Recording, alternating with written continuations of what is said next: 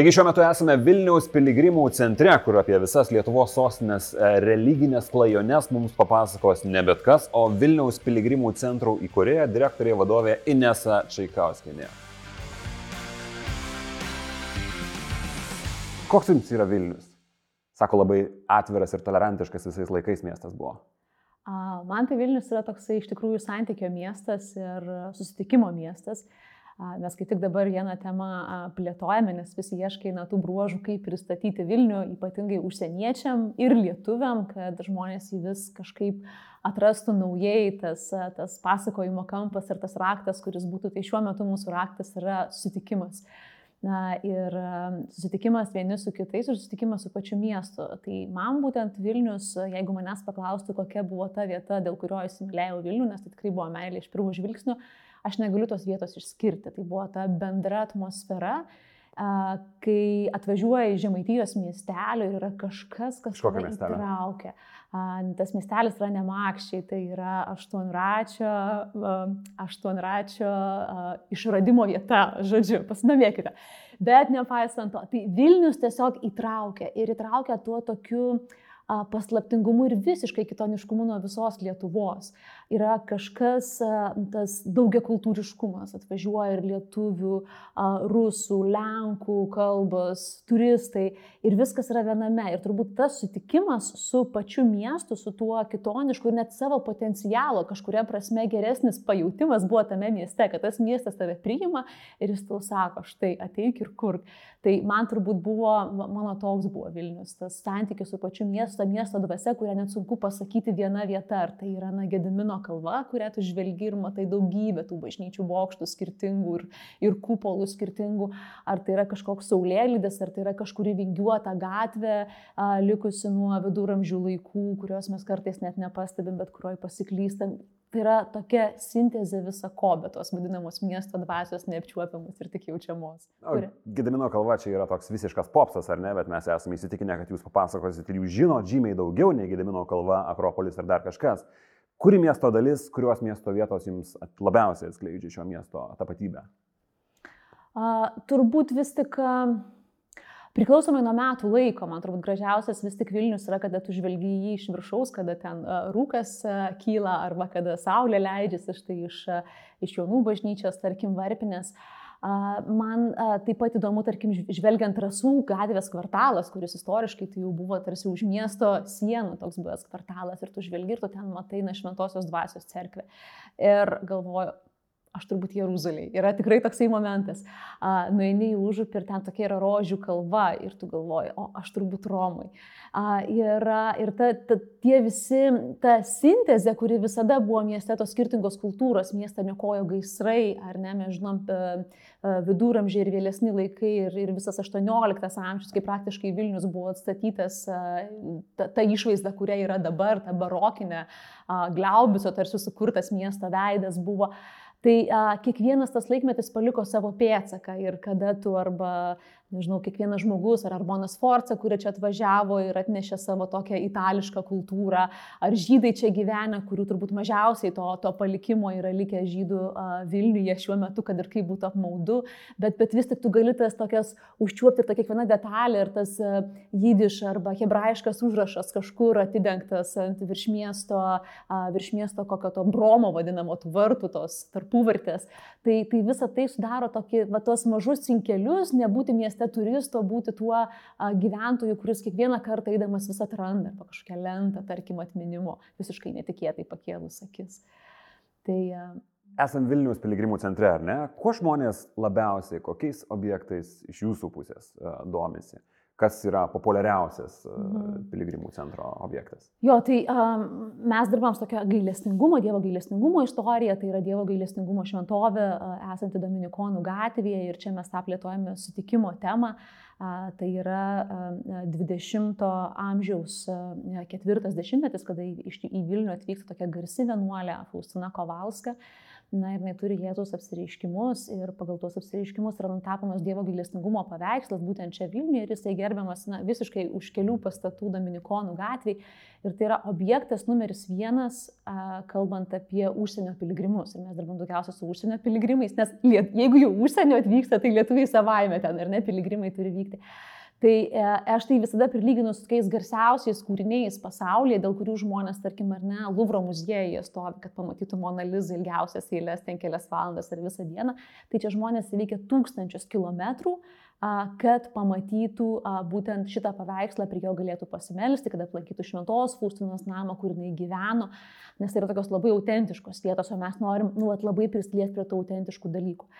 Ir ką mes tada darome, einame tą gailestingumo kelią, kuris yra taip vadinamas gailestingumo kelias, bet kas yra labai įdomu, šitas gailestingumo kelias apjungia, na tarsi Vilniaus istoriją, tą daugia konfesiją Vilniaus istoriją.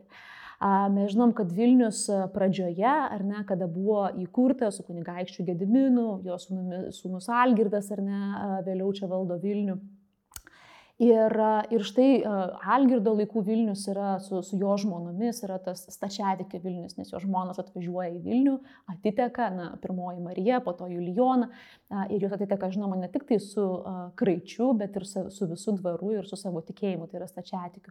Ir ta turbūt krikščionybės pirmieji prisilietimai tokie jau didesni, su didelė įtaka, tai buvo būtent stačiatikiu. Bet vėliau mes žinom, kad įvyksta tai, kad Vilnius a, tampa a, katalikiškų miestų, tai yra ta, kaip oficialiai oficialiai jau Jogaila, Algirdo sūnus Vilnių pakrikštyje, vis tik tai yra toks ta vakarų įtaka, jau ateina katalikybė. Ir kai kartais sakoma, kad Vilnius buvo, kad Lietuva buvo paskutinė pagoniška valstybė, ir ne, kad čia tokiuose pelkėse tarsi gyveno žmonės, nieko panašaus, kas įvyksta Vilniui, čia susilieja dvi didelės kultūros - vakarai ir rytai, tos religijos, kurios krikščioniškos tokios atšakos, katalikybė ir uh, stačiatikiai, ortodoksai, jie tarsi čia susilieja Vilniuje. O šiaip yra labai įdomu apie Vilnių kalbėti kalbėti apie tokį e, kartais nematomą, tarsi tokį topografinį kažkuria prasme, mes sakom, Vilnius yra UNESCO ir ne paveldo sąraše nuo 94 metų, nes jisai išlaikęs tą viduramžių miesto struktūrą, kurios mes taip, na, plika akim tarsi ir nematom. Tik tai, kada pažiūrėjai žemėlapį ir kada pasiklysti kurioje nors gatvėje, nes eini, eini, staiga gatvė užsisuka, ten jau pasidaro kita gatvė arba jinai dar kažkur kitur nueina ir ta pati gatvė pasirodo. Tai čia yra ta viduramžių miesto struktūra, už kurią Vilnius, e, kurią Vilnius išsaugojo, tiksliau žmonės, kurie vis gyvena gyveno Vilniuje, jie sugebėjo išsaugoti. Ir, ir būtent ta gatvių struktūra lemia, kad Vilnius yra UNESCO sąraše kaip miestas, kuris išsaugojo ne, ne kažką kvartalinę, naują sukūrė, nepadarė plačius bulvarus, ne kaip Roma, kur sueina visos, viskas į, į kažkokias miesto aikštės, bet būtent tokios gatvytės, kurios, na taip, intuityviai pagal reikalą susiformavo ir taip išliko. Tai Vilnius kažkuria prasme ir buvo padalintas į tas dalis, tai yra, tai yra vakarinė miesto dalis, su katedra ir katalikų bažnyčiomis praktiškai, na ir ta rytinė miesto dalis, kur jau kūrėsi cerkvės. Ir tos cerkvės pirmos buvo statomos su būtent vėlgi kunigaikščio Algirdo žmon, ž, sąsąją su jo žmonomis. Tai pavyzdžiui, tas skaiščiausiosios Dievo motinos cerkvė, kur yra dabar ortodoksų katedra, tokia balta, nuostabi, jinai buvo gotikinė, ta gotika tokia po tokiu baltu marmuru dabar pasislėpusi. Nikolajus, vėlgi Švento cerkvė arba dar Mikalojaus vadinama, na jau čia didžioji gatvė yra, tai vėlgi siejama su kunigaikščio Algirdo žmonom, kuriom, kuriom jisai ir leido ir steikė privilegiją ir kurios, kurios rūpinasi, kad tos cerkvės būtų. Labai įdomi yra Šventosios Paraskevijos cerkvė, kuri paras, Paraskevės, Paraskevė reiškia penktadienis, nes Šventosios Paraskevės kankinės tėvai būtent ją ypatingai gerbė tą dieną penktadienį, kada Jėzus buvo nukankintas ir, ir, ir, ir dukrai davė savo vardą. Vėliau jinai pati tapo kankinė dėl savo tikėjimo. Taip pat yra Šventosios dvasios cerkvė, vėlgi, kuri e, truputį konkuruoja su pačia skaičiausios Dievo motinos cerkvė, kur yra katedra. Aš tiesiog įsterpsiu, nes ten yra praktiškai vienoje vietoje viskas, ar ne? Yra Šventosios dvasios cerkvė ir yra visai netoli ties aušos vartais a, labai daug tokių krikščioniškų a, mhm. objektų. Oi, ten apskritai įdomu, ačiū, kad, kad užvedai mane, nes ten vadinamas toks kaip krikščionybės trikampis. Ten tikrai super, nes a, yra Marija, kuri, a, Marija užšos vartų Marija ir jinai jos labai domina ir be kūdikio Marija. Ir jinai taip laiko rankas ir tų interpretacijų yra įvairių, ar kad Marija klausosi angelo žinios apie prieiškimą. Labai gražiai popiežius Jonas Paulius II, kada lankėsi Lietuvoje, jisai savo, kad Marija jinai tarsi laiko visus tos savo vaikus, tas tas tris denominacijas savo glėby. Ir visiems ta Marija yra brangi, ar tai būtų katalikai, ir ten yra šventos uh, Teresės bažnyčia ir buvęs karmelitų vienuolynas, ar ne, visiškai šalia yra šventosios dvasios cerkvė. Ir aš kaip pasakiau, kad jinai tarsi konkuruoja su ortodoksų kadra, nes tai yra du vienuolynai, jų vyrų ir moterų. Yra tarsi tokia gaunasi kaip pagrindinė ortodoksų šventovė Lietuvoje. Aš nukrypsiu šiek tiek pas, aš šiek tiek pasiskaičiu apie visus šitos uh, reikalus, nes neturėjau tokio didelio labai supratimo. Ir praktiškai kiekvienas degė. Kame reikalas? Nu ką, prieš gaisrinę apsaugą, ne kažką. iš tikrųjų taip, žmonės kūrenasi, namai sustatyti labai arti vienas kito. A, tos iš tikrųjų prieš gaisrinės ar tos gaisrinės sistemos tikrai nebuvo geros. A, vandens tiekimas a, labai ribotas, ar ne? A, žmonės kūrena tokios atviros. A, paprastai miestiečiai iš tikrųjų ten tie gartraukiai viskas eina į viršų, ar ne? Žiemo šaltos, pe, nu, ugnis įsikūrena labai gerai, viena žiežirba, daug medinių pastatų labai, žmonės, čia tai buvo ir daug mūrinių pastatų, bet tame tarpe buvo daug medinių pastatų. Tai, tai taip vienas nuo kito ir tas, tie gaisrai labai įsiplėksdavo labai greitai. Ir tiesiog tai Vilnius dėl to ir liepsnuoja daugybę kartų. Vėliau jau buvo statomos e, pilies gatvėje, matom tokius aukštus pastus su atikais, labai aukštais tokiais. Tai jie buvo tarsi tokia priešgaisrinės sistemos dalis, kad, kad šiek tiek apsaugotų patį namą. Tai, tai, tai yra taip. O Vilnius šiaip išgyveno labai turtingą istoriją, tiek skaudžią, tiek gražesnį laikotarpį, ar ne? Ir turime, tarkim, stačiatikių šventovės ir katalikų šventovės. Ar galima sakyti, kad tie skirtingais istorijos laikotarpiais tos, tų šventovių likimai kažkaip skyrėsi? Cerkvėm galbūt sekėsi kažkaip geriau išlikti, nu, neskaitant, aišku, gaisrų. Kaip viskas buvo? Įvairiai. Buvo, žinoma, kiekvienas tas laikas atneša taip, kas valdo ar ne, kas, tas, kaip savo, kas moka tas muziką, kas tas muziką užsako. Kas pinigus moka. Kas pinigus tas... moka, tas muziką užsako.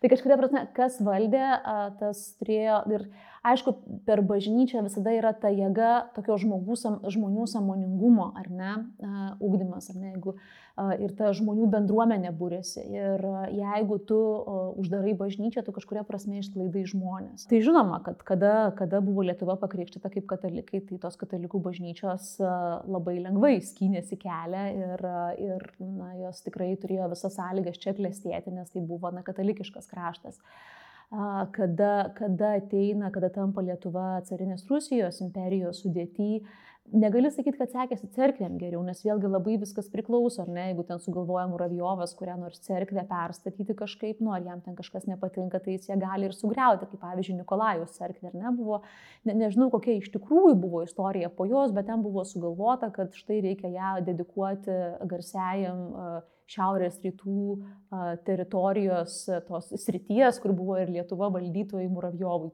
Bet žinoma, kad sovietų okupacijos laikų cerkvėm nu, buvo šiek tiek geriau, bet negali sakyti vėl, kad pavyzdžiui, santykiai, ar ne, tai santykiai jie buvo laikomi kaip ir čia iš 17 amžiaus ateina dar tokia atšaka nuo ortodoksų, nes ortodoksai a, truputį reformuojasi, o santykiai yra tie, kurie nori išlaikyti na, tą dar tą pradinę tradiciją ir neįlaiko, kad tai yra va tikra tai, kas yra nuo Kristaus, jie kiek įmanoma tokia, nežinau, tą tokia žaliava tikrai, kas yra tikra. Nu va, tai, tai kadangi jie atskilo, kiekvienas tas atskilimas yra tam tikra vėl bendruomenė, grupė žmonių, kurios, pavyzdžiui, caras negali valdyti ar ne, imperatorius negali valdyti, nu tai jis juos persekioja. Tada santykiai taip iš Rusijos, jie atkeliauja į Lietuvą ir Lietuva tampa jiems kažkodėl ta saugi vieta.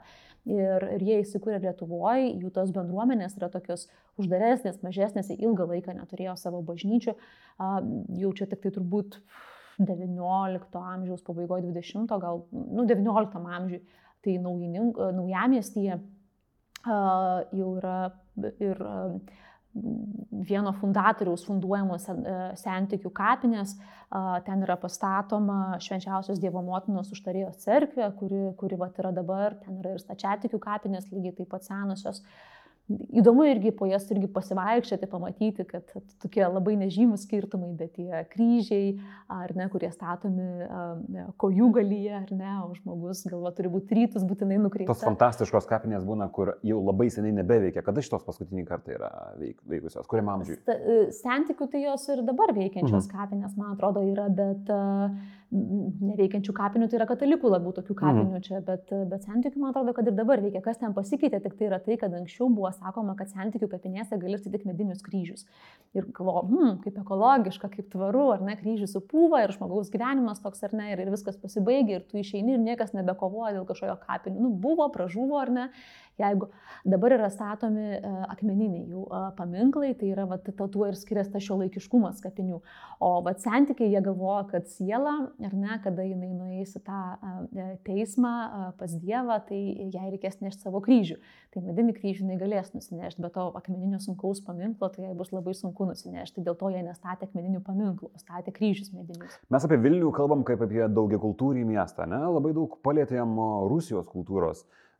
Ir aš žinau, kad Vilniui yra Puškino muziejus, ar ne? Tai yra didžiulis literatūros grandas visų laikų iš Rusijos, ar ne? Kuo jis susijęs su Lietuva, nes tikrai kažkaip susijęs, jeigu čia yra muziejus. Įdomu, taip, kad Puškinas Lietuvoje nebuvo, Vilniui nebuvo tikrai. Um, ta pirma sąsaja tai vėlgi yra per vieną cerkvę, tai yra uh, Paraskevė, Šventos Paraskevės cerkvė, uh, kur manoma Ir turbūt žinoma, nes jau visi labai užtikrintai kalba, kad ten buvo pakrikštas Puškino e, senelis. E, Hanibalų jį vadino, labai tokia įdomi, įdomus jam vardas duotas, jį pakrikštijo. Nelekteris. Pats nelekteris, bet Hanibalas, jisai buvo iš Afrikos. Šiaip iš tikrųjų labai tokių daug įvairių istorijų pasakojama apie tai, bet manoma, kad e, vienas savo, kad jisai buvo pagrobtas, parvežtas kaip toks trofėjus imperatoriui, bet nepaisant carui, bet nepaisant to, kad e, Petro pirmojo ir, ir jo santykiai buvo tikrai labai geri ir jisai, matyt, buvo labai sumanus ir protingas žmogus, vėliau užaugo, nors jisai buvo berniukas tik tai tuo metu, kada buvo parvežtas e, ir jis tikrai buvo jo toksai, nežinau, patikėtinis galbūt ar net toks šalia esantis žmogus. Ir jisai padarė tikrai gerą karjerą, buvo karo inžinierius, bet štai kada jisai buvo, kada Petras e, pirmasis lankosi Lietuvoje, kartu su juo keliauja turbūt jo visa palydė tame tarpe ir šitas berniukas, afrikietis. E, ir jisai, žinoma, jisai negali būti kažkoks pagonis ar, ar kažkoks, nežinau, aborigenas. tai kaip, kaip tada ten vadino, tai, tai jisai buvo būtent pakrikštas Paraskevės, Paraskevės cerkvė, tai yra Puškino prosenelis.